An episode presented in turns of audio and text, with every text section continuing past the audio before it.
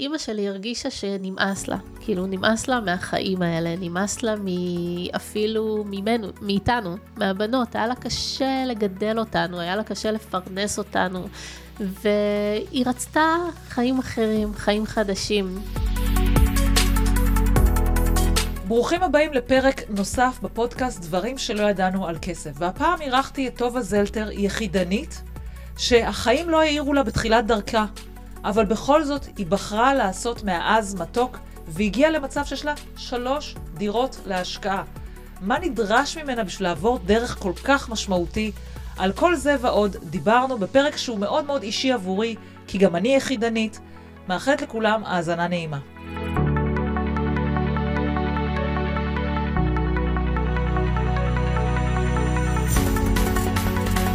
אז טובה, איזה כיף שהגעת לפודקאסט שלי. קודם כל, המון המון תודה. כיף ממש לראות אותך. כמישהי שככה לא התראינו כבר כמה חודשים, אבל אני כל הזמן רואה את הפעלים שלך. ומבחינתי זה פרק שהוא מאוד מאוד uh, מיוחד, כי הוא מאוד קרוב לליבי, כי שתינו באותו סטטוס uh, משפחתי, אנחנו שנינו, שתינו אימהות יחידניות. אז לפני שאת ככה מספרת uh, לעצמך, בוא נסביר ככה לצופים ולשומעים, מה זה אימא יחידנית, כי יש קצת... Uh, בלבול בקהל. כן, מה, האמת מי ש... מי אנחנו? מה זה אימהות יחידניות? תראי, יש את ההגדרה היבשה, אימא יחידנית, מישהי שעשתה ילד לבד, בלי אבא מתרומת זרע. Mm-hmm. יש גם uh, הרבה אנשים, uh, בוא נגיד הקהל הישראלי לא ממש יודע מה זה אימא יחידנית, הם חושבים חד-הורית, הם חושבים, ויש גם uh, נשים בעצמם שנגיד לא בקשר עם האבא, או שהאבא לא רוצה, או ש... אה, התגרשו ואבא לא בקשר, שגם אה, לפעמים קורות לעצמם יחידניות. אה, אבל ההגדרה היבשה היא באמת מישהי שהחליטה לעשות ילד לבד מתרומה בלי אבא. אז זהו, אני רוצה להתחיל באמת בדבר הזה, את אומרת, היא החליטה לעשות ילד לבד, וזה בעצם מה שבגלל זה אני אומרת ככה, הפרק הוא יהיה מאוד קרוב לליבי, כי גם אני החלטתי לעשות אה, ילדים לבד, לי יש שתי בנות, לך יש את נילה חמוד, ובואי תספרי לי על הרגע של ההחלטה שלך. זו החלטה, וואחד החלטה, אני חושבת ההחלטה הכי חשובה שאנחנו עושים בחיים שלנו. כן. ספרי לי על הרגע שלך. האמת שבשבילי, אה, הבחירה הזאת היא באה אחרי תקופה יחסית אה, ארוכה של שנה וחצי, שהייתי בתהליכים של הורות משותפת.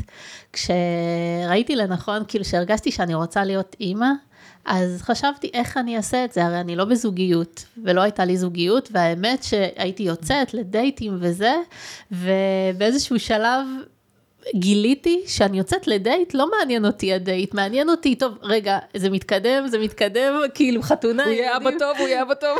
כן, כאילו ככה, כזה. אה, וכבר נמאס לי לצאת לדייטים, ורציתי כבר ילדים, יאללה. אז אמרתי לעצמי, כאילו ניתקתי בעצם, עשיתי הפרדה, אני זוכרת אפילו את היום הזה. הלכתי לעבודה, עבדתי אז במלון בתל אביב, בשדרות בן גוריון ליד כיכר רבין, חציתי את הכביש, והחלטתי שאני, שאני רוצה, רוצה להיות אימא. ואז אמרתי, טוב, איך אני אעשה את זה? אה, הורות משותפת. זה היה נראה לי מודל אה, מעולה, כי אני, אין לי משפחה יותר מדי. אה, כסף לא היה לי אז בכלל, הייתי חיה מחודש לחודש, ואם הייתי מתקמצנת על עצמי בטירוף, אז היה נשאר לי 500 שקל, ולא הייתי מגיעה יותר מדי. אה, אז באמת, גם מבחינת נפשית, אה, יותר קל אה, להתחלק בהורות, חצי חצי, יש לי זמן פרטי, ראיתי באמת בזה מודל מאוד אידיאלי בשבילי, ובאמת הייתי בתהליך עם כל מיני תהליכים במשך שנה וחצי עם שלושה גברים שונים. וואו. ובסוף, אה, מכל מיני סיבות זה לא הסתדר לי, זה לא הרגיש לי מדויק מספיק. ואני זוכרת שישבתי בבית איזה ערב, ועוד פעם נכנסתי כזה, בדיוק נפרדתי מהבחור האחרון, שזה לא התאים, ועוד פעם נכנסתי, התחלתי להיכנס לאתרים וזה, ואז זה נמאס לי. אמרתי, די, אין לי כוח להכיר עוד מישהו, אין לי כוח, אין לי זמן כבר, אני רוצה כבר ילד, לא מעניין אותי. ובאותו רגע אמרתי, אני עושה את זה לבד. ככה, מה שיהיה יהיה, אללה בבאללה כזה, אבל די, אני אהיה אמיצה, אני אצליח, יהיה בסדר, יהיה בסדר, זה תלוי רק בי. והלב שלי התמלא באושר שסוף סוף זה יכול לקרות, ומאותו רגע התחלתי כאילו לעשות צעדים, להתעניין מה זה, לא הבנתי כלום. הלכתי לסדנאות, שאז לא היה כמו היום יותר קל כאילו ללמוד על ה... כאילו, מה זה, לפני... הייתה את הקבוצה שלי? לא בטוחה, לא, לא ידעתי בכלל, כן. כלומר, מה זה בכלל? ידעתי שאני רוצה לבד, ובאמת התחלתי לחקור, ללכת, ללמוד, לקרוא, ולעשות את זה בדרך שהכי נכונה לי. תרומה מהארץ, מחו"ל, ועשיתי את זה. וואו, זה מדהים, את מספרת על הרגע שלך שהחלטת, ואני זוכרת את הרגע שאני החלטתי, יותר פסטורלי ממך, אני חייבת לומר. זה היה על הר בבוליביה, שאחרי שעשיתי במהלך אה, טרק שנקרא הזנגטה, שאת עושה את זה על סוסים, וזה היה לילה אחרי, בלי שינה, לא יודעת למה זה בא אז. וישנתי באיזה מקום, לא ישנתי פשוט כי היה נורא נורא קר, שמתי את כל הבגדים שלקחתי איתי, שמתי אותם עליי אחד על השני, והיה לי נורא קר, זה היה בתוך השלג, וזה היה ממש קר, ולא הייתי ערוכה ולא ישנתי כל הלילה. ואני זוכרת, קמתי, חיכיתי כל הזמן שהשמש תעלה, שהשמש תעלה, שהשמש תעלה. ועליתי, אה, וזה היה מאוד גבוה, זה גם היה קטע של חוסר חמצן וזה, זה היה מאוד גבוה. ועליתי אה, בבוקר, כאילו בסוף השמש עלתה אחרי לילה לא שינה, את מחכה לשמש, כאילו לא יודעת מה. אני רואה את כל הסוסים עומדים באיזה מקום. אמרתי, אם הם עומדים שם, כנראה זה מקום טוב. חש, עליתי לשם, ואז, אני לא אשכח את הרגע הזה, פתאום השמש מגיחה שם, מאחורי ההר, רק שם. כאילו הכל חשוך מסביב, ורק איפה שהסוסים עמדו ואיפה שאני הייתי, השמש פתאום מגיחה, וישבתי כזה, והשמש התחילה ללטף אותי כזה, פתאום החום של, שקפאתי, הייתי קפואה. ואז אמרתי, שם אמרתי על ההר, אמרתי, אני עושה שני ילדים, מראש אמרתי, אני עושה שני ילדים, עכשיו אני חושבת על זה, כאילו, מה, מה עבר לי בראש? כנראה באמת היה חוסר חמצן. אמרתי, אני עושה שני ילדים, כי לא משנה כמה קשה זה יהיה לי וכמה יהיה לי חרא וכמה זה, אני עושה שניים, שתמיד יהיו שניים, שלא יהיה לי אחד כאילו ולא, את יודעת, לא יהיו לו אחים וזה. וזו הייתה ההחלטה. הייתי בת 35, אמרתי, זהו, אני חוזרת לארץ, כשאני אחזור לארץ, זה מה שאני הולכת לעשות. כאילו אם אני, ואמרתי לי, אם אני עד גיל מסוים, לא זוכרת, נתתי לי איזה שנתיים, אני עד שנתיים לא מוצאת זוגיות מתאימה, זה מה אני עושה. שני ילדים, וזהו, וככה כל הזמן מנטרה, שני ילדים, שני ילדים, שני ילדים, שני ילדים. אז, וזה באמת היה, זה מה שקרה. כאילו, ובגיל שהגעתי, דפק השעון, מה שנקרא. כן.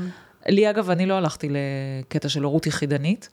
אה, הורות, סליחה, משותפת, כי כנראה יש דברים לפעמים שנוחתים עליך, היה איזה סרט שראיתי איזה יום אחד, ישבתי על הספה, ואני בדרך כלל לא מסתכלת טלוויזיה אף פעם, פתחתי, והיה איזה סרט של, שמדונה הופיעה בו, אגב, הזמרת מדונה, בכלל לא ידעתי שהיא גם, זה, זה, זה סרט כזה סתם, ליגה זין כזה, לא איזה משהו מעולה, אבל הוא דיבר על זה, הוא דיבר על הורות משותפת אה, בארצות הברית, כאילו, זה היה סרט כזה עלילתי, והראו את הקשיים שזה, אמרתי, וואי, מישהו פה מנסה לרמוז לי שזה מה זה לא מתאים לי, וישר הלכתי להורות יחידנית. אז זה הקטע, אבל מה, ש, מה שיפה זה, זה הבחירה, שאנחנו בוחרות להיות אימהות. ולמה אני קראתי לך בעצם? כי את אומרת לי, בואי, יש מלא יחידניות וזה, למה קראתי לך? מעבר לזה שאנחנו מכירות, כי עשית אצלי תוכנית, ואת אה, היום מנטורית כלכלית, אבל אני מאוד רואה את הגישה שלך, ושהיא מאוד ייחודית, או בוא נגיד, לא אופיינית לאימא יחידנית. זה הקטע של העשייה, זה הקטע של לבוא ולעשות. ואני זוכרת שנפגשנו פעם ראשונה, את כזה מספרת כלאחר יד כזה, ואני אומרת, כאילו, מה נסגר הבחורה? אה, אה, יש לי דירה להשקעה פה, יש לי דירה להשקעה שם, יש לי דירה להשקעה שם, כאילו, בואי, קניתי שלוש זוגות גרביים, לבן, כחול ושחור, ככה זה נשמע לי, כאילו, הבחורה מספרת לי על דירות להשקעה, וכאילו לוקחת את זה כמשהו כזה, טוב, רגיל. ואני אומרת, כאילו, אימא יחידנית עם כמה דירות להשקעה. כמה, כמה נפוץ את רואה דבר כזה, מישהי שבאמת, בואי, מפרנסת יחידה, ואני יודעת מה המשמעות של זה, ויש לה דירות להשקעה שהיא כבר עשתה. אמרתי, אוקיי, אוקיי, יש פה משהו, צריך להכיר את הבחורה. אז קראתי לך, כי מה שחשוב לי, שככה נשים בעיקר תקבלנה מהפרק הזה, מי ששומע, זה באמת ההשראה ואת הכוח לעשות את הדברים האלה. כי בואי, את עברת כברת דרך, ואני מאוד אשמח לשמוע קצת, גם תספרי על עצמך וגם על, על הכברת דרך שלך, כי היא מאוד מאוד מעניינת, ויש לך סיפור חיים מדהים. אז עכשיו אני שותקת, והבמה עוברת אלייך, לספר לי קצת, אה, באמת, מה הביא אותך לכל הדברים האלה? ספרי קצת אחורה. אה, אוקיי, אני אלך אחורה, אחורה, אחורה, אחורה. בגן חווה. אני נולדתי בטבעון, נולדתי למשפחה, לשני הורים, שלא, בבית אף פעם לא היה כסף. ולא רק שלא היה כסף, גם היו המון חובות, הרבה ריבים על כסף, הרבה הוצאות לפועל, את יודעת, זה דברים לא נעימים כל כך לחוות אותם uh, כילדה. Mm-hmm. ההורים שלי התגרשו באיזשהו שלב, אבא שלי עבד כל היום, לא ראיתי אותו בכלל, בקושי הכרתי אותו אפילו. וואו. באמת, הייתי רואה אותו אולי לפעמים בשבת איזה כמה שעות, וזהו. הוא פשוט עבד בשלוש עבודות אה, כל היום, ומהצד השני, אימא שלי הייתה מבזבזת, אז היה נכנס, היה יוצא, ואבא. שלי הוא לא היה מעורב. הוא לא ידע שום דבר, הוא ידע, יש לו משפחה, אני צריך לפרנס, הכסף לא מספיק, נעבוד יותר. אז זה כל הזמן נכנס יצא, נכנס יצא ולא היה. אה, ככה זה עבד, עד שלאבא שלי נמאס מזה, והם החליטו להתגרש. אה, ואימא שלי היה לה מאוד קשה להסתדר לבד, אה, היא הייתה מאוד, מאוד עצבנית, מאוד, היא הרגישה מאוד לבד, וממש היה לה קשה לגדל אותנו. אה, כמה אחים אתם? אני ואחותי, אנחנו שתיים. כלומר, ה-28 לחודש זה עדיין תאריך שזכור לי, ביטוח לאומי. חרוט לי, זה התאריך שמגיע מביטוח לאומי, כל החודש צריך לחכות, אה, חכי ל-28, חכי ל-28, ומה קורה ב-28? כמה מקבלים? איזה 2,000 שקל לכל המשפחה, לכל החודש. אז זה מתרוקן תוך יום-יומיים, ואז תחכי כל החודש ל-28. מעבר לזה, אה, אימא שלי הרגישה שנמאס לה, כאילו נמאס לה מהחיים האלה, נמאס לה מ- אפילו ממנו, מאיתנו, מהבנות, היה לה קשה לגדל אותנו, היה לה קשה לפרנס אותנו, והיא רצתה חיים אחרים, חיים חדשים.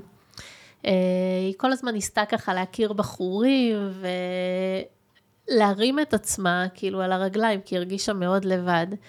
והיא הכירה איזשהו בחור, שבאמת הוא היה רווק, הוא היה, אה, הוא רצה משפחה, ילדים וכאלה, אבל לא כל כך התאים לו שיש לה שאריות מפרק א', כן?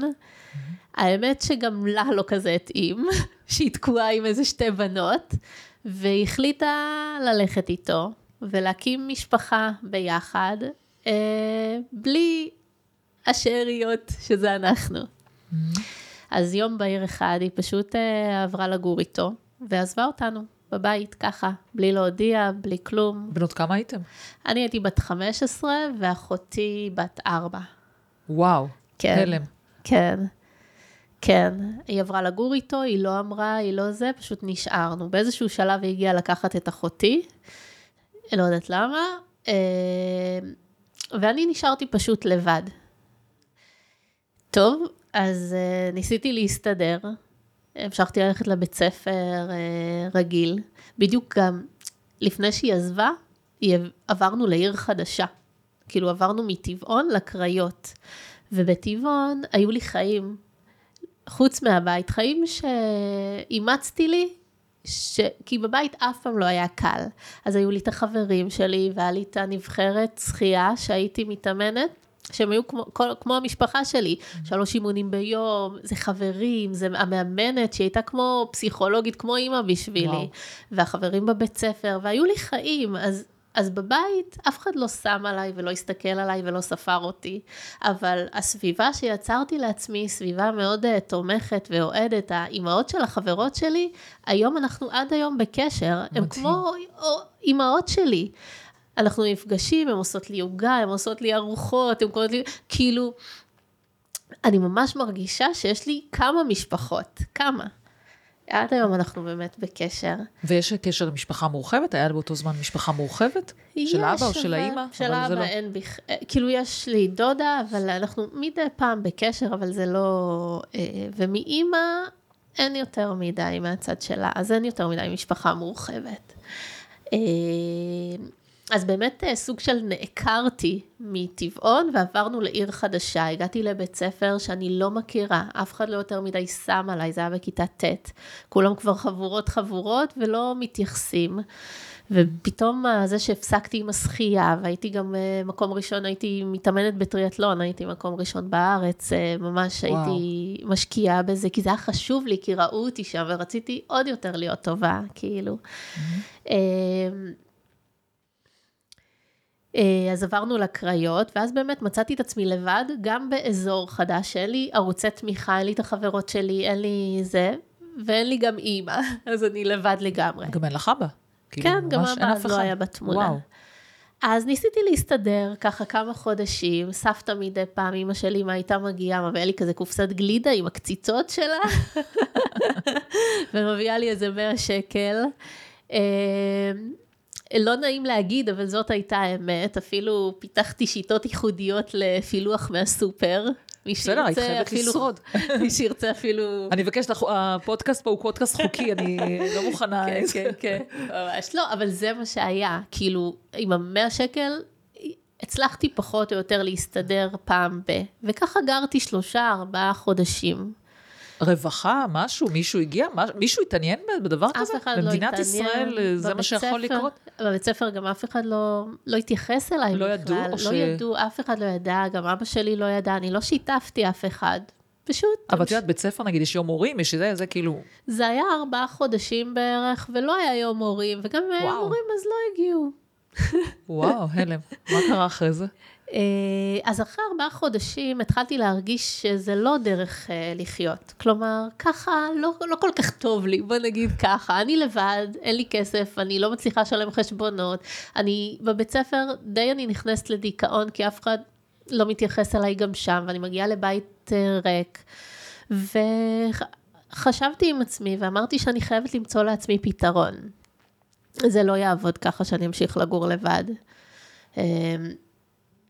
באמת הרצתי את הגלגלים, ונזכרתי שכשגרתי בטבעון, הייתה לנו שכנה שהוציאו אותה מהבית, והיא הייתה, ב... העבירו אותה לפנימייה. לא ידעתי אז מה זה פנימייה, שמעתי פה ושם, אבל לא ממש ידעתי מה זה. אז לא היה פלאפונים וזה, לא ידעתי איך להשיג אותה, באיזה פנימייה. ממש עשיתי טלפונים, ספרי טלפון, התחלתי מספרים של זה, מספר... עשיתי ממש מחקר להשיג את אותה ילדה. והגעתי, ו- וקבענו בטלפון הציבורי, היא הייתה בפנימייה, קבענו, דיברנו בטלפון הציבורי, שאלתי אותה מלא שאלות, איך שם, מה עושים, איך בבית ספר, איך החברים, איפה אוכלים, מה, אם מתייחסים, איך זה וזה, והיא סיפרה לי וסיפרה לי, הייתה לנו שיחה מאוד ארוכה, היא סיפרה לי הכל, הכל, הכל, הכל, והרגשתי, או, תודה לאל, נשמע לי אחלה מקום לעבור אליו. ואז הלכתי ורשמתי את עצמי לשם. ואני עוד חושבת על הדירות, אני אומרת, בואנה, זה החלק הקטן בחיים שלך. תראי מה, תראי מה את עוברת בגיל כזה צעיר, וואו. עברתי לפנימייה, ווואו, השני, החיים שלי כאילו השתנו, ממש. הרגשתי, אני עד היום קוראת לזה גן עדן. אני זוכרת אפילו שישבתי שם בדשא מול החדר אוכל, ואמרתי לעצמי, אני בגן עדן. אני בגן עדן, פה גן עדן, איזה מגניב. כאילו, אני ממש זוכרת את זה. היו לי חברים, וכולם אהבו אותי, והיה מסודר, היה אוכל, היה חדר אוכל. אה, ובית ספר, בבית ספר, כולם קיבלו אותי. הם כולם אמנם היו חברות, הפריקים, הערסים, הסטייליסטים, הזה, והייתי חברה של כולם, כולם אהבו אותי וקיבלו אותי. נכון, אמנם לא למדתי, לא היה לי ראש, הייתי ככה עדיין ב... לא עשיתי כלום, לא בגרויות, לא כלום. אחרי הצבא השלמתי הכל במשך שנתיים, שילמתי מלא כסף, כל מה שזה, שילמתי איזה 20 ומשהו אלף שקל, ושנתיים עשיתי כל הבגרויות מאלף עד זה, כי רציתי לעשות תואר. אה, אבל בבית ספר באמת אה, כלום, אבל היה לי מאוד טוב, זה השנים הכי יפות של החיים שלי, היו. וואו, איפה זה לקח אותך אחרי זה? מדהים, סיפור מדהים. אחר כך התגייסתי, וגם נהניתי מאוד בצבא. זה, כל המקומות האלה נתנו לי המון ביטחון, כי זה המקומות שמגינים עלייך, ששומרים עלייך, שכולם באותה סירה. בפנימייה, לכולם יש הורים דפוקים. בצבא, אף אחד לא בבית, אוקיי? אז שישי שבת הייתי יוצאת כאילו... בפנימייה העדפתי לפעמים להישאר שישי שבת, כי לא הייתי רוצה להגיע לבית ריק, זה היה לא כל כך נעים, וגם בצבא. אה, אז הייתי יוצאת לשבתות, הייתי לבד יושבת ביום שישי, לבד בזה, הייתי חולמת אה, על אה, משפחה חמה, שמישהו יכבס לי את המדים, כמו שאומרים שהאימהות מחכות רק לכבס את המדים. כן. אז פחות, אבל הייתי מנסה למצוא לעצמי עיסוקים, לקבוע עם חברות, לעשות דברים כיפים ולא לשקוע לזה שאני חוזרת לבית ריק. אה, אחרי הצבא, עברתי ככה כל מיני מקומות, התגלגלתי בעבודות, עבודות פשוטות. עבדתי ב call center, אחר כך עברתי לאילת, עבדתי במלון, אחר כך עזבתי את אילת, עברתי לתל אביב, גם עבדתי במלון, ואחרי תל אביב החלטתי שאני עוברת לפרדס חנה, חוזרת לפרדס חנה, לגן עדן שלי, כמו אה, שזכור פנימייה, לי, שם. הייתה פנימייה, כן. בגלל זה היה קשר. אבל תספרי קצת על התחושות. מספרת את זה, מרגיש לי שאת מספרת את זה ככה בצורה נורא ככה סכמטית, כאילו עשיתי ככה, עשיתי ככה, כן, עשיתי ככה. כן. אבל בואי, היית נורא נורא אה, צעירה, איך מתמודדים עם דבר כזה? אם עכשיו יש מישהי, אפילו צעירה מאוד ששומעת אותנו, נמצאת במצב הזה, מצב ש... זה, זה איזשהו סוג של ניכור הורי. בתכלס, כאילו, לא היה לך משפחה, לא היה לך כלום בעצם. איך, מת- איך לא משתגעים בדבר כזה? מה אני- שמר אותך? אני פשוט קיבלתי את זה, אני כעסתי אמנם, אני כעסתי, אבל פשוט זאת הייתה המציאות שלי, ועם זה הייתי צריכה להתמודד. וניסיתי כל הזמן להפוך את החיים שלי, או את התחושות שלי ליותר טובות. איך אני יכולה לשפר. מגיל צעיר מאוד הבנתי שאני די לבד, כאילו ב... מבחינת משפחה, מבחינת הורים. זה לא שלפני שההורים שלי התגרשו הכל היה יופי וטופי ומשפחה לתפארת, לא.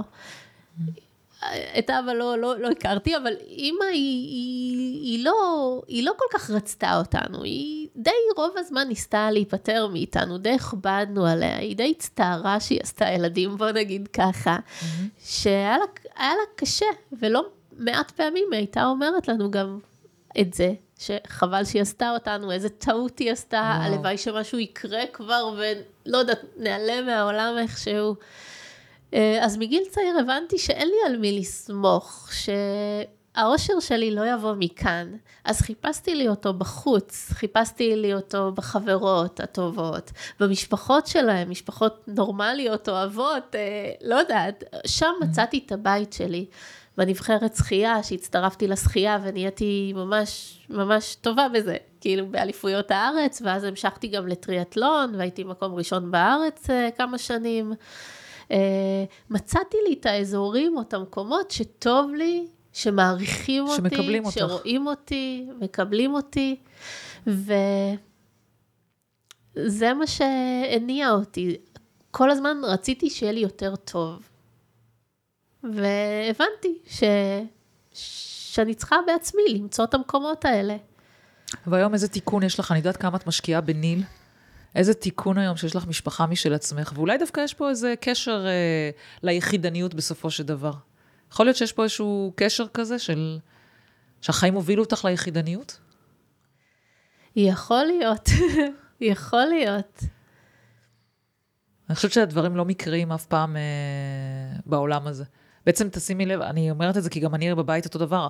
את לא ראית איזשהו אה, מודל זוגי, גם אני אגב לא, כי אבי נפטר כשהייתי בת ארבע, אז בעצם גם לא ראיתי מודל אה, זוגי, ובסוף השאלה נשאלת, האם באמת זה מה שמביא אותנו אה, ליחידניות, כן או לא?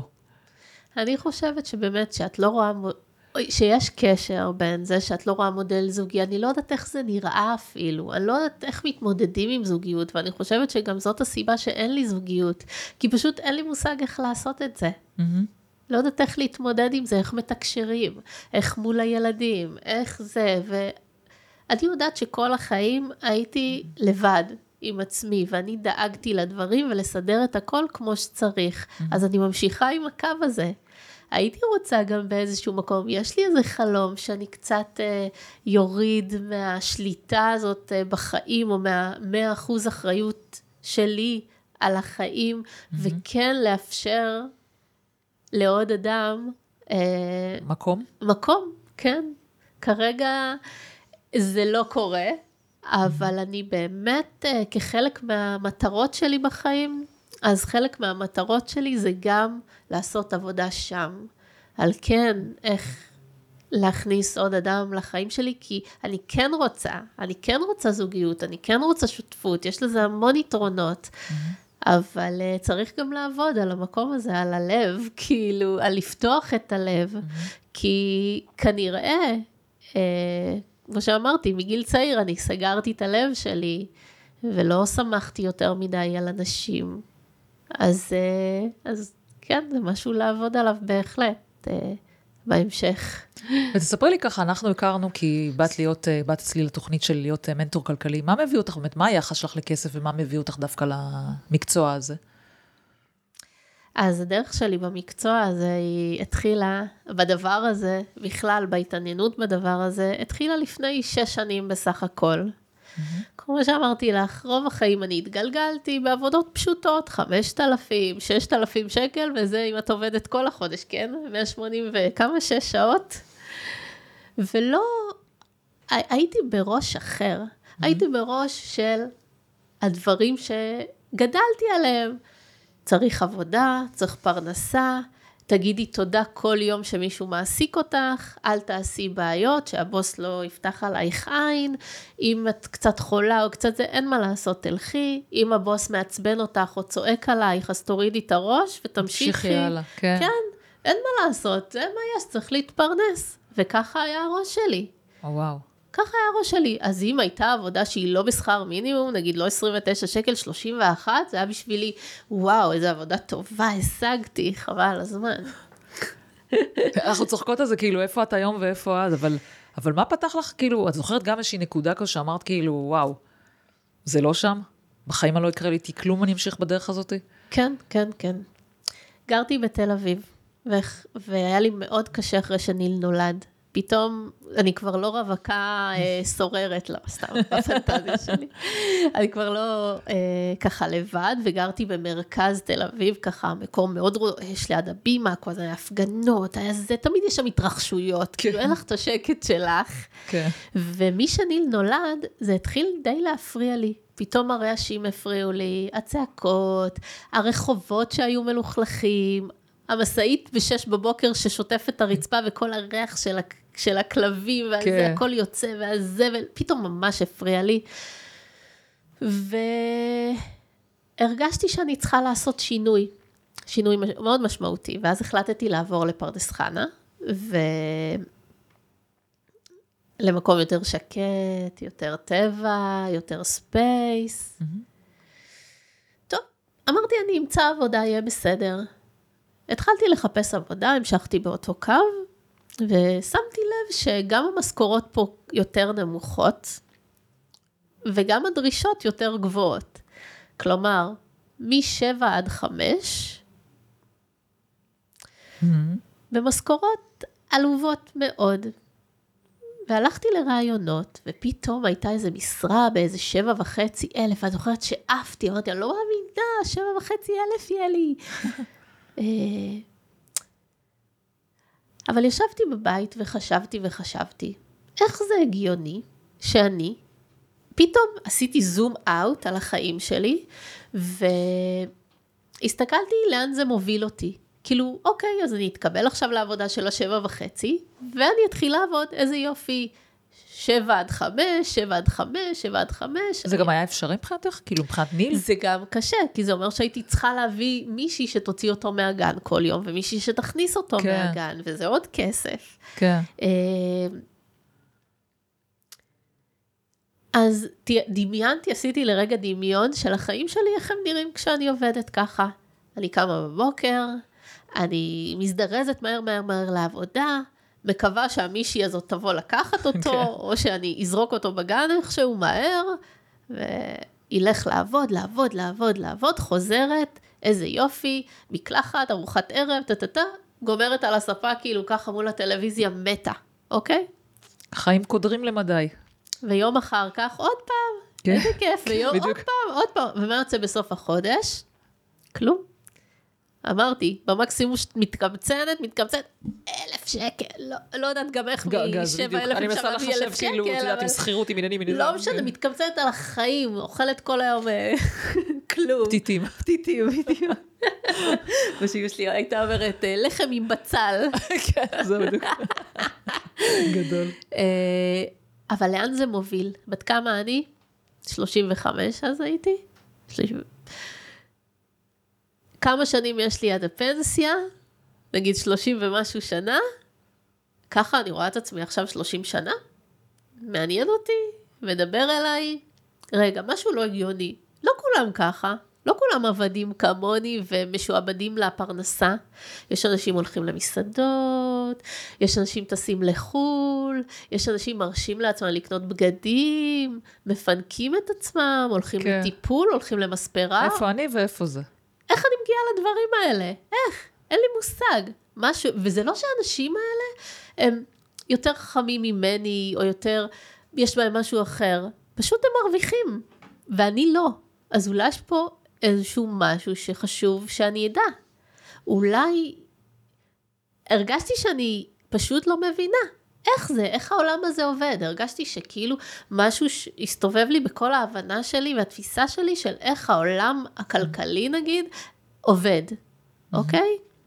והחלטתי שאני הולכת אה, לחקור את זה. אז מה עשית? אז מה ראשון? עשיתי? דבר ראשון, פניתי למודעות פייסבוק האלה שהיו אז באותה תקופה, בואי תעבדי ארבע שעות מהים, okay. כן. ותקבלי 20 אלף שקל כן. בחודש במינימום. זה אם כן. תעבדי רק שעה-שעה ביום מהים, כן? ואז אמרתי, טוב, מה זה? זה עוקד, זה לא יודעת פירמידה, שלא יודעת מה זה פירמידה, זה, זה לא, לא, לא, לא אכפת לי מה זה, אני רוצה לדעת מה זה. מה זה? אני רוצה לדעת איך, איך זה קורה ומה. אז התקשרת ומה גילית? התקשרתי, התעניינתי, קראתי על זה. אה, מה זה היה אגב? מעניין אותי גם. לא זוכרת כבר. אחת, כל הפרסומים כל האלה. כל האורח חיים בריא או משהו כזה, לא זוכרת כבר. בואי תמכ... תמכרי כן, מוצרים, אה, שייקים, לא יודעת, דברים כאלה. אה, ועצרתי, המשכתי, כתבתי בגוגל, לא ידעתי בכלל את המונחים אז, מה זה הכנסה פסיבית, מה זה נדל"ן, מה, ידעתי, שמעתי נדל"ן, כן, אבל לא ידעתי כלום. התחלתי רשמתי בגוגל, כסף באינטרנט. אה, הכנסה מהבית, סתם דברים כאלה. בקיצר, התחלתי להתגלגל. כל יום למדתי איזה, איזה שלוש-ארבע שעות, רק חפרתי וחפרתי, ואז את יודעת, כשאת נכנסת לגוגל ומתחילה לחפור, קופצים לך כל הקורסים האלה. בואי אני אלמד אותך כן. פה, שיווק דיגיטלי, dropshipping, אמזון, התחלתי ממש ככה לח... לשמוע וובינארים, להבין פתאום, נפתח לי הראש, שזה אולי אפשרי, פתאום אני רואה עדויות של אנשים ש... הם כמוני, וואלה, אני עושה 50, אני עושה 60, אני עושה 200 בחודש, סתם, את יודעת. כן, כן. אמ, ומשהו נפתח לי, משהו נפתח לי, פתאום הבנתי שיש מצב שיש משהו מאוד מאוד גדול שאני לא יודעת. שעד היום הלכתי בדרך מסוימת, עם ראש מסוים, וכנראה יש עוד דרך שהיא אחרת, שלא הכרתי, והתחלתי לצעוד בה. אמרתי לעצמי, זה יותר מעניין אותי, ואני מתחילה ללמוד, למרות שאין לי מושג, מתחילה מה, ללכת. מה לדבר הראשון שלמדת? כי הרי הבעיה שלנו היום זה, זה שפע המידע. כאילו אם אני עכשיו, מישהו עכשיו מסתכל ואומר, וואלה, אני רוצה לעשות כמו טובה וללכת ללמוד, כמו שאת אומרת, על כל המודעות רודפות אחריך, ומה אתה, כן. אתה מתחיל? איפה אתה מתחיל? אז, אז באמת הוצפתי כן. בכל מיני uh, אנשים שעושים קורסים ורוצים ללמד אותך איך לעשות כסף בכל מיני uh, דרכים. והלכתי עם האינטואיציה שלי. בסופו של דבר, התחברתי לשני אנשים. התחברתי לקורס של, אז היה גיל אורלי, mm-hmm.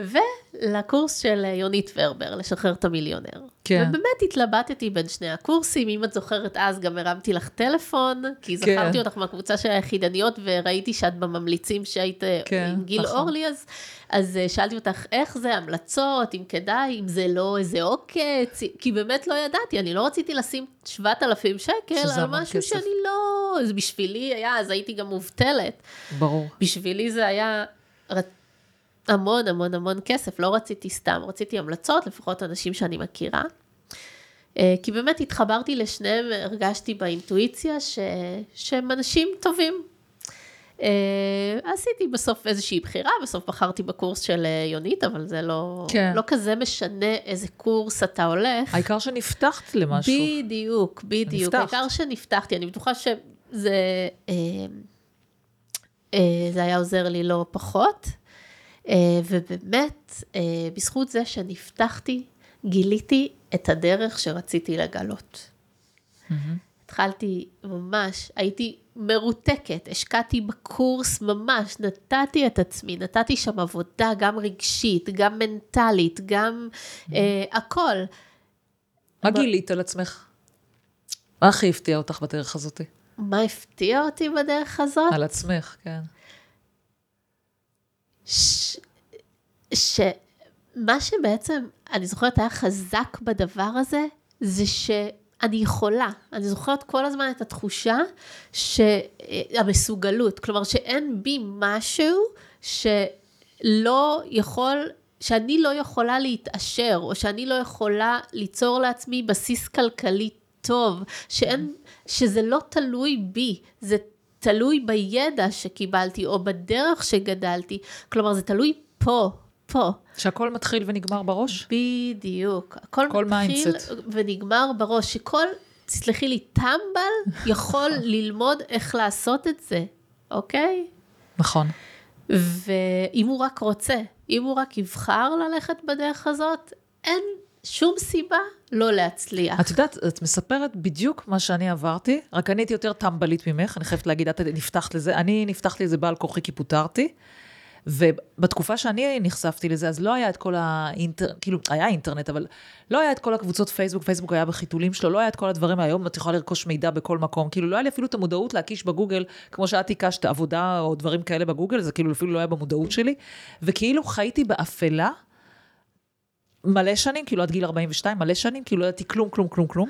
בסדר, כלום. ברמה של ממש, לא יכולה להדגיש לך כמה כלום זה היה, וגם לא נחשפתי לשום דבר בהתפתחות האישית, כלום, באותו עניין. זאת אומרת, חייתי את החיים שלי וכאלה, והתחושה שלי שפתאום נחשפתי לזה, גם אני הלכתי לקורס, זה פשוט היה כאילו, כמו ש... כשאני זוכרת, כשהאינטרנט אה, פתאום נכנס לחיים שלנו, זה פתאום עולם מקביל, כאילו עולם חדש שאת בכלל לא מכירה, זה פתאום נכנס למחשב, פתאום יש לך עולם אחר. אז עוד האינטרנט היה על פי דקות, אני זוכרת, היינו נכנסים מהר לאימייל וזה, וסוגרים מהר, כי כל דקה זה היה, לא יודע, כמה שקלים או משהו כזה, זה בתקופה הזאת. אז זה כאילו פתאום נפתח לי כזה אה, עולם חדש, שממש לא הכרתי, והיום אני ממש רואה את זה, וזה אחד הדברים שאני כל הזמן מדגישה בפודקאסט הזה. הקשר ההדוק בין התפתחות אישית לכסף. אין קשר יותר הדוק מהדבר הזה. כי אם לא היית פתוחה לקבל את הדבר הזה, או אני לא הייתי פתוחה לדבר, דבר, לא היינו יושבות פה היום ולא היינו מגיעות לכלום, והיינו נשארות, את עם ה-7,000 שקל שלך, ואני עם ה... לא זוכרת כמה הרווחתי, 18 או משהו כזה. אבל זהו, וגם אני אגב, תראי איזה מצחיק, תמיד אומרים, אם רק היה לי עוד 3,000 שקלים, רק היה לי עוד 5,000 שקלים, זה סתם בולשיט, אני הרווחתי יותר ממך, בסדר? והיו לי אמנם שתי ילדות, אבל לא משנה. עדיין, כשהסתכלתי בסוף החודש לא היה לי כלום. כמו שאת אמרת, אני הגעתי לזה סוף החודש, לא, אין כלום. אותו דבר אגב ב-18 או ב-20, זה אותו דבר. שלא תחשבי שזה אחרת, זה כאילו מצחיק, כי כולם אומרים, רק היה לי את זה, בטוח אני הייתי זה, כאילו, השלושת אלפים שקל נוספים האלה הייתי חוסכת אותם. איזה שטויות, כשאתה מכניס 15 אתה מוציא 15, אתה מכניס 18, אתה מוציא 18, אתה מכניס 7, אתה מוציא 7. אין בזה שום קשר. וה... והקטע להבין פעם אחת, שברגע שאתה מתפתח אישית, ופתוח להבין שוואלה, אם הטמבל השני עושה, גם אני יכול, כאילו הנפילת אסימון הכי רצינית זה, גם אני יכולה. לי היה תמיד משפט כזה, אני בחיים כבר לא אקנה יאכטה. לא שאני רוצה יאכטה, אבל כאילו זה היה מושג כזה של, יש את אלה שמרוויחים, שנוסעים לחו"ל, כמו שאת אומרת, שזה וזה וזה וזה, ואני לא, לא שם. ואז גם התחיל לי המחשבה הזו, איך אני אהיה שם? למה אני לא שם? בהתחלה זה, אני לא אהיה שם, מכירה את ההבדל? אני לא אהיה שם. רגע, למה שאני לא אהיה שם? אז אולי אני כן יכולה להיות שם. אז בוא נהיה שם. בדיוק, זה כאילו... כמו שאמרת לי שעכשיו את נוסעת לתאילנד. ל... נכון. ופית, ואני אף פעם לא חשבתי בכלל על אופציה כזאת, המקסימום שלי זה פאפוס לארבעה ימים, כאילו זה ההיי, כאילו. נכון. ומאז שנכנסתי בכלל לעניינים האלה, אני רואה אנשים שטסים לחו"ל, טסים לשנה, נפתחים להם האופקים, ואז שאלתי את עצמי באמת, למה שאני לא אעשה את זה? ועכשיו זה הפך לחלק מהמטרות שלי, חלק מהיעדים שלי שאני רוצה לממש. ספרי באמת על זה, מה, מה המטרות והיעדים שלך באמת? וואו, אז קודם כל, אנחנו אחר כך בודקים את זה. אנחנו מקליטים עכשיו ב-2023, אנחנו נבדוק שהגעת לכל יעד ויעד, שלא... אז קודם כל, יש פה היעד... תוכנית תחקירים נושכת. היעד המשמעותי העיקרי שלי הוא אה, מה שנקרא חופש כלכלי, אוקיי? ובשביל כל אחד חופש כלכלי זה משהו אחר. יש כאלה שבשבילם באמת, כמו שאת אומרת, חופש כלכלי זה לשבת כל היום על יאכטה, ויש בשבילם שחופש כלכלי זה דברים אחרים. מה זה בשבילך, חופש כלכלי? בשבילי חופש כלכלי זה להיות, אה, איך אומרים, אה, הזמן, להחזיר לעצמי את הזמן חיים שלי. לחיות כמו שאני רוצה לחיות, בלי הצורך או המחויבות להתפרנס, לעשות דברים שאני לא בהכרח אוהבת, או גם אם אני אוהבת, אבל אני עדיין צריכה להמשיך ללכת ולהתפרנס מהם. שתהיה לי בעצם סוג של הכנסה, הכנסה פסיבית, אה, שתאפשר לי לעשות עם הזמן שלי כל מה שאני בוחרת לעשות איתו. אז בעצם את עושה לך עכשיו תוכנית, כמו שאנחנו גם מלמדים ולמדנו בעצמנו, את פשוט עושה תוכנית איך את מגיעה, איך את מגיעה ליעד הזה? כמה, אגב, תוך כמה זמן את הצבת לעצמך אה, את היעד? תראי, אני הצבתי לעצמי את היעד בגיל 45, כלומר עוד חמש שנים. הצבתי את זה לפני חמש שנים, זה אומר שעשר שנים להגיע לחופש כלכלי. Mm-hmm. אז זה אומר שבגיל 45 אני בעזרת השם יוצאת לפנסיה. בדיוק כמו שאני עשיתי, אני גם הצבתי לי אה, עשר שנים. תגידי, בואי אני אשאל אותך שאלה. באמת, איך אומרים, תמיד, אה, תמיד חושבים שמי שמצליח, הקלפים שלו היו בהתחלה מאוד טובים. אין ספק שהקלפים שלך לא היו, אסים לא היו בתוך החפיסת קלפים שאת אה, הגעת אליה. ובכל זאת את הגעת למשהו אחר. למה את חושבת שנשים, שהרבה נשים שומעות אותנו, לא עושות את הצעדים האלה? כי באמת, לא היה לך קלפים טובים, והנה את הפכת את העז למתוק, כמו שאומרים. למה נשים אחרות לא עושות את זה, מה שאת רואה מסביבך? אני חושבת שהסיבה שנשים לא עושות את זה, או בכלל אנשים לא פועלים בכיוון הזה, זה בגלל שהם אה, מנותקים מזה ש, שזה אפשרי בשבילם.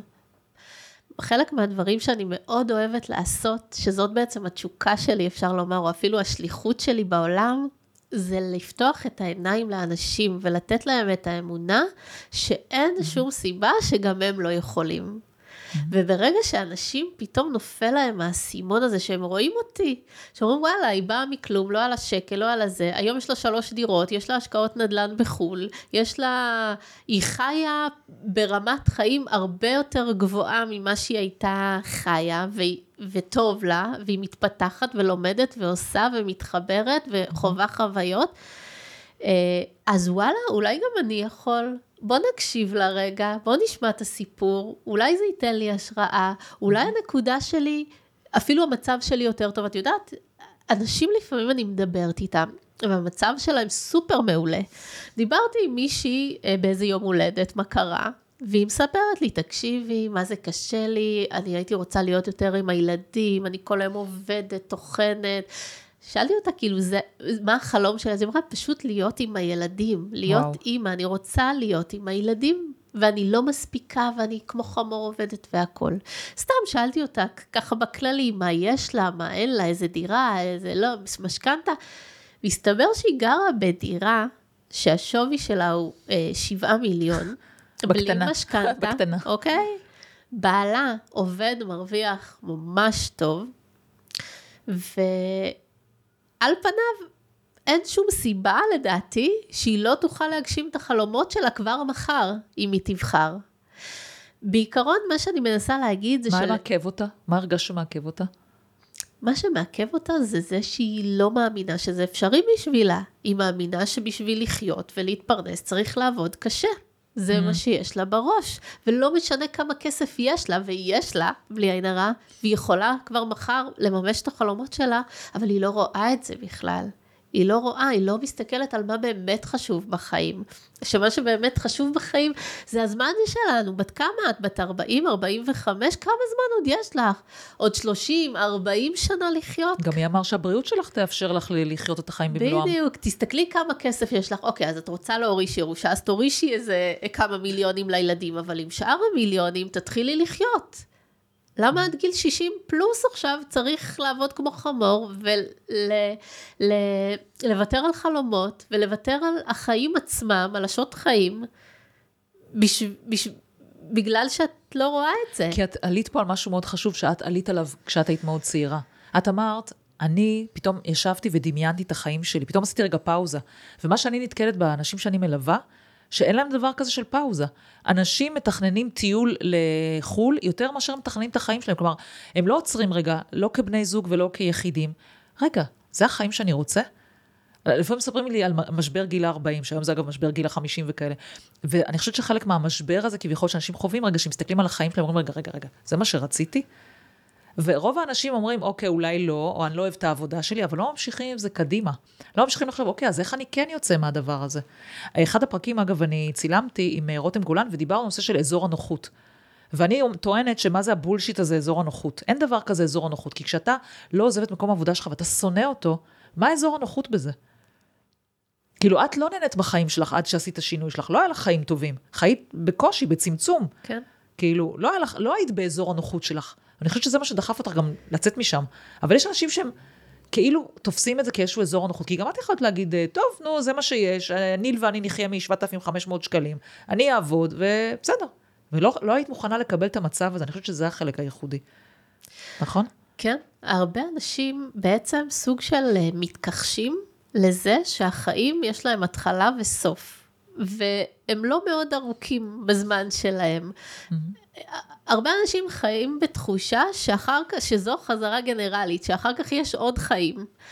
ואני מרגע שהבנתי אה, שלחיים יש התחלה וסוף, ובהם צריך לעשות את המקסימום כדי שיהיה לך טוב, mm-hmm. אז אז, אז אפשר גם לתכנן את זה בצורה כזאת כדי שיהיה לי טוב. אבל שפשוט זורמים כמו עלה נידף, והולכים לפה ולא טוב בעבודה הזאת, אז עוברים לעבודה הזאת, ו, ונמצאים באיזושהי אנרציה, והילדים והגנים והזה והזה וזה, לא באמת עוצרים רגע לחשוב מה אני רוצה, וגם אם אני עוצר וחושב מה אני רוצה, לא תמיד הרבה מוכנים לעשות את הוויתורים שכרוכים בזה. ש... איזה ויתורים באמת את עשית כשעשית המהלך הזה? מה את מרגישה שוויתרת? צריך לוותר על, אה, על, ה, על, הש, על השליטה או על המקום המוכר. נורא קל להמשיך במקום המוכר, וכשאתה רוצה להתפתח ולהתקדם ולשנות, לא תמיד אפשר לעשות את זה לבד. וצריך להיעזר באנשים, ועדיף אנשים שהגיעו לאותן תוצאות שאתה רוצה להגיע בחיים שלך. אבל הרבה אנשים אומרים זה בולשיט, הבן אדם הזה סתם עושה קורסים, הוא מתעשר מהקורסים. גם הוא בא ממשפחה בטח עשירה, הוא לא כן. עבר את מה שאני עבר, כן, אבל כולנו בסוף... כן, ולמה שאני אשים עכשיו 10 או 20 אלף שקל על ללמוד איך להתנהל עם כסף, נו באמת, זה חרטה ברטה, נמשיך לעבוד, נמשיך לקנות את הגבינה היקרה בסופר כמו שאני אוהב, וככה ייראו החיים שלי.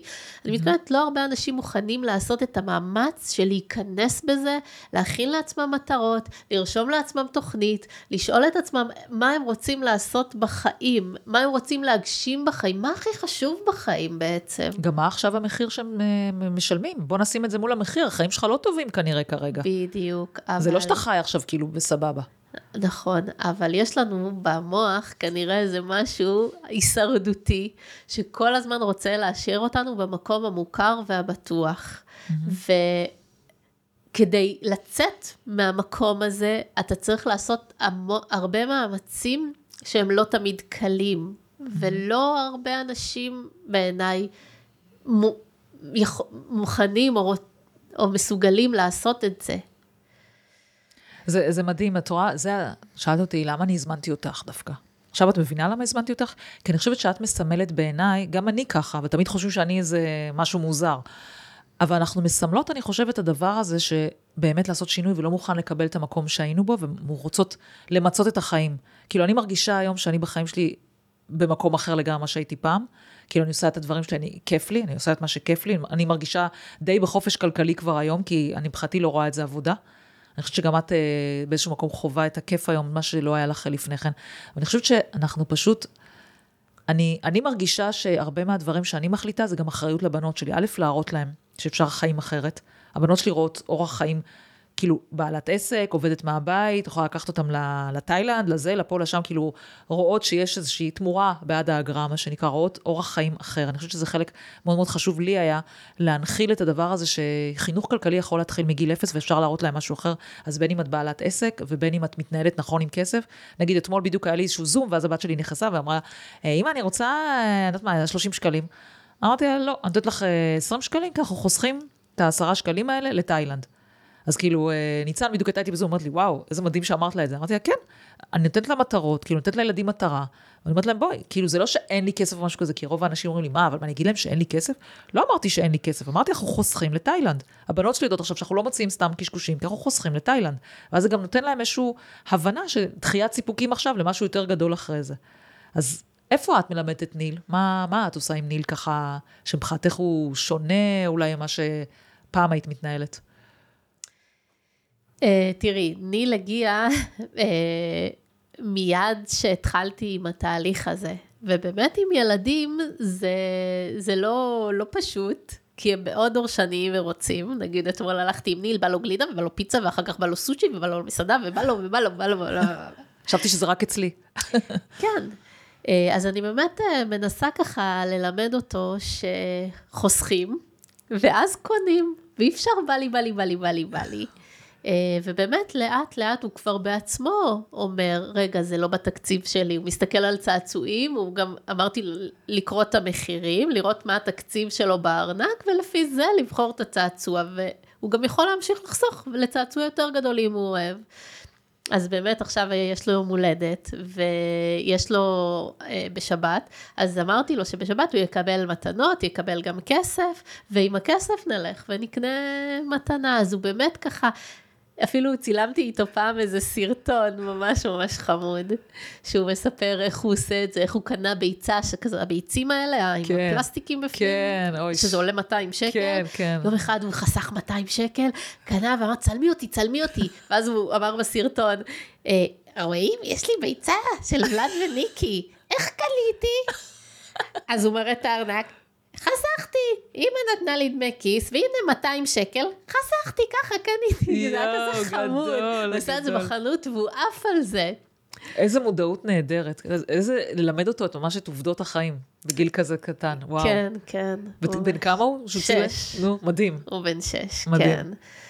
אה, וזהו, גם שומע אותי מדברת הרבה, אם אני מדברת בטלפון, או אם אני מדברת עם הסוחרים שלי, או אני מסבירה לו, הוא לא מבין איך זה הבית שלנו, אם אנשים גרים בו, אז סיפרתי לו שיש זה, ואפילו אני הולכת איתו לכל מקום, נגיד יש לי חתימת חוזה, עכשיו אני הולכת איתו, אני, כי אין לי ברירה, כי אין לי כן, מי שיהיה איתו. כן.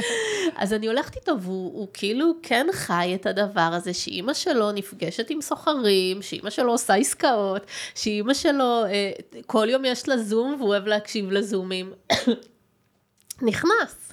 איזה סגירת מעגל מטורפת, שמה את ראית בבית, איזה בית את נולדת ואיזה בית את מקנה לניל. זה פשוט בעיניי מדהים, וזה הכל משינוי ה mindset ומה שאת עשית. תחשבי איזה מדהים עכשיו, איזה חיים יש לניל שהם כל כך שונים. זה מרגש ממש, זה ממש מרגש לראות את ה... את הלא החזרה הבין-דורית, אלא להפך, התיקון הבין-דורי, זה מדהים. לגמרי, וגם, את יודעת, הסביבה, זה שאנחנו גרים בבניין חדש, דנדש כזה. את יודעת, זה לא ה... זה ה... זה גם נכנס לראש. כשאתה ילד ונכנס לבניין מוזנח, והכל מתפורר, והכל איכסה, כמו שאני גדלתי, בתודעה שלך זה מה שצריך מחסור. להיות. כן. ושאתה גר בשכונה טובה, עם אנשים טובים, אנשים שיש להם בסביבה, גם אתה גדל לתוך זה, שזה מה שאתה מאמין שהסטנדרט שלך. מדהים. וזה מדהים בעיניי. איזה מסר היית רוצה ככה לסכם את ה- הפרק המדהים הזה, שאני חושבת שבעיניי, אגב, הוא מאוד מרגש. לראות מישהי כמוך זה ממש מרגש בעיניי. זה גם אמיתי. תמיד חושבים שזה קורה רק לכל אלה שאפרופו כותבים שעה באינטרנט וכאלה. את עברת דרך מדהימה, שחצבת אותה בטח בסלע, וכל, אם היינו מדברים ארבע שעות, בטח היית אומרת לי על כל קושי שהיה לך, כי זה באמת לא דרך פשוטה אני וקלה. יכולה לדבר פה ארבע שעות על איך הג- הגעתי לדירה כן, הראשונה, אני איך הגעתי. לדירה השנייה ולשלישית, ולכל אחד זה סיפור של כמה שנים, פשוט, אני של. מאמץ ושל... אה, זה לא שזה בא ככה, נכון. הייתי צריכה לעשות לא מעט צעדים מאוד מאוד מאתגרים. אבל אני עכשיו חווה את זה בדירה להשקעה שלי, זה לא סוגה בשושנים, כמו שאומרים, זה? דרך עצובה, זה קשה, זה לא פשוט, וצריך בשביל זה להיות נחושים ולהתמיד ולדעת, עוד פעם, הדרך שלי זה לחופש כלכלי, אז אני צריכה לעשות את מה שאני עושה. צריך להתייחס לזה כחלק מהמטרות, ולא כהנקודתי, עכשיו יש לי נזילות, יש לי זה, לא, זה חלק מהעסק. אני לגמרי רואה את זה ככה. זה חלק מהמשחק, מהמשחק, מעבירה כסף לפה, לפה, לוקחת מפה, עושה מפה, משקיעה פה, משקיעה פה, כאילו מעבירה כספים, אה, והכל ברוח טובה, הכל בהתאם לערכים שלי. את צריכה לראות, באמת, אני לא רוצה להעיד על עצמי, אבל הסוחרים שלי פשוט אוהבים אותי. הם אומרים לי שהם בחיים לא ראו בעלת דירה כזאת, הם שואלים אותי אם יש לי עוד דירות בעיר אחרת, רק כי הם רוצים כאילו אה, לעבור עיר, אבל רוצים. לשמור עליי. Uh, וזה כיף, זו הרגשה טובה, זה, אני בעד גישה גם של נדיבות, אני לא העליתי שכירות נגיד כבר המון זמן, כי אני מאמינה בגישה שאם יש סוחר טוב, ויש בינינו יחסים טובים, העוד 100, 200, 300 שקל האלה, זה לא מה שיעשה לי את זה. סוחרים טובים זה נכס, אני מסכימה איתך. אנחנו מחדשים חוזה, אני תמיד מביאה איזושהי מתנה, איזה עציץ, איזה משהו, כן חשוב לי, מבחינתי אני רואה את הסוחר כלקוח שלי. הוא מרוצה, אני מרוצה, ושהיחסים נכון. בינינו טובים, אז יהיה לי כמה שיותר שקט מההשקעה הזאת, וזה מה ששווה לי. ואני מסתכלת לטווח ארוך ולא על הבעיות הנקודתיות שיש עכשיו, ויש בעיות. כן, כולנו uh, חווים את זה, אבל בסדר, זה חלק מהעניין. כמו שאת אומרת, צריך להסתכל על זה בפרספקטיבה הנכונה. בסופו של דבר, זה מה שיביא אותנו לחופש כלכלי. אז נכון, זה לא דרך uh, פשוטה, זה דרך עם uh, חתחתים וכאלה. לגמרי. וואו, אז מה אני יכולה לאחל לך? להגיע לחופש כלכלי בעוד חמש שנים? קודם כל, שאני אמשיך אה, להיות בטוב. אה, הרבה אנשים, אה, יוצא לי לדבר עם אנשים שואלים אותי, מה נשמע, מה שלומך? ואני תמיד אומרת, מצוין.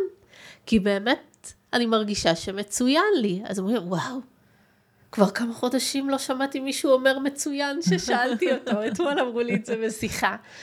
אני מרגישה שזה לאו דווקא כשאני אגיע לחופש כלכלי אני אהיה מאושרת. אני מנסה באמת, ואני חושבת שכל אחד שהוא בדרך הזאת, צריך למצוא את האיזון בין לחיות כאן ועכשיו, ולחוות את החוויות, לדאוג ל-well-being שלך, לדאוג לדברים שחשובים לך בסדר עדיפויות, וגם להכין תוכנית מסודרת ליציאה לחופש כלכלי, או כל אחד והמטרות שלו. Mm-hmm. זאת המת... זה ה... מבחינתי התמהיל הנכון להגיע לשם. כי אם לחיות אני... כמו שאתה שם כבר. בדיוק. Mm-hmm. יש משפט ש... אה, שלמדתי אז בקורס, של יונית נראה לי אמרה, או לא, לא יודעת מי אמר את זה, אה, אחד המנטורים, to, שמאוד תפס אותי, to, to have a success, you must be, be a, a success. success. נכון. זה של uh, מישהו. מישהו, כן. כן, וזה משפט שנכנס בי חזק. אז אני אומרת, כדי להגיע לשם, אני צריכה להיות שם כבר עכשיו. ואף אחד לא יודע מה יהיה איתי עוד שנה עוד שנתיים. אני לא יכולה להחזיק ככה ולהתקמצן על עצמי, כי גם כשאני אגיע לשם, אני לא, לא אדע מה לעשות עם זה, כי אני כבר אתרגל להיות ככה. נכון, זה, זה מה שאת באה להגיד, אני ככה אחדד את זה, שזה לא נקודה, לא פתאום תהיי בחופש כלכלי, תקומי בבוקר תגידי, היום אני בחופש כלכלי, אלא את כבר היום חיה באיזשהו סדר שמוביל אותך הדבר הזה, וכבר תוך כדי, זה הסיבה שאני נוסעת לחודשיים מתאילנד, אגב. כאילו, אני לא מחכה עם זה. כאילו, אני מבחינתי בתוכנית עבודה שלי, אגב, אם תראי את החזון שלי, החזון שלי מורכב גם מדברים מאוד פשוטים. של היום-יום, לאו דווקא רק כזה, דברים כזה, את יודעת, ברומו של עולם בעוד מלא זמן, אלא גם היום, לחיות היום את הדבר הזה. ואם אני רוצה חודשיים עכשיו לנסוע חודשיים, ניסע חודשיים. כאילו, זה פשוט לחיות את זה היום. בדיוק, החיים של עכשיו, היום של היום לא יחזור. נכון. אה... נכון. וצריך להעריך את הזמן הזה, ולחיות כמה שיותר טוב במסגרת המגבלות או התוכניות העתידיות שלך, לחיות עכשיו, לחיות, זאת, זה המסר שלי בעצם. אז קודם כל את אלופה. אני חייבת להגיד שנהניתי מאוד לארח אותך היום, אני חושבת שלמדתי הרבה דברים, גם על עצמי וגם על עצמך וגם על איך, איך לתפוס את הדברים האלה. אני מקווה שמי ששומע אותנו, באמת ייקח מפה את ה... שכל אחד יכול, yes you can, מה שנקרא. אם את יכלת ובאמת לא היה לך את התנאים הכי טובים להצליח, כל אחד יכול. לגמרי. אז המון תודה. שמחה.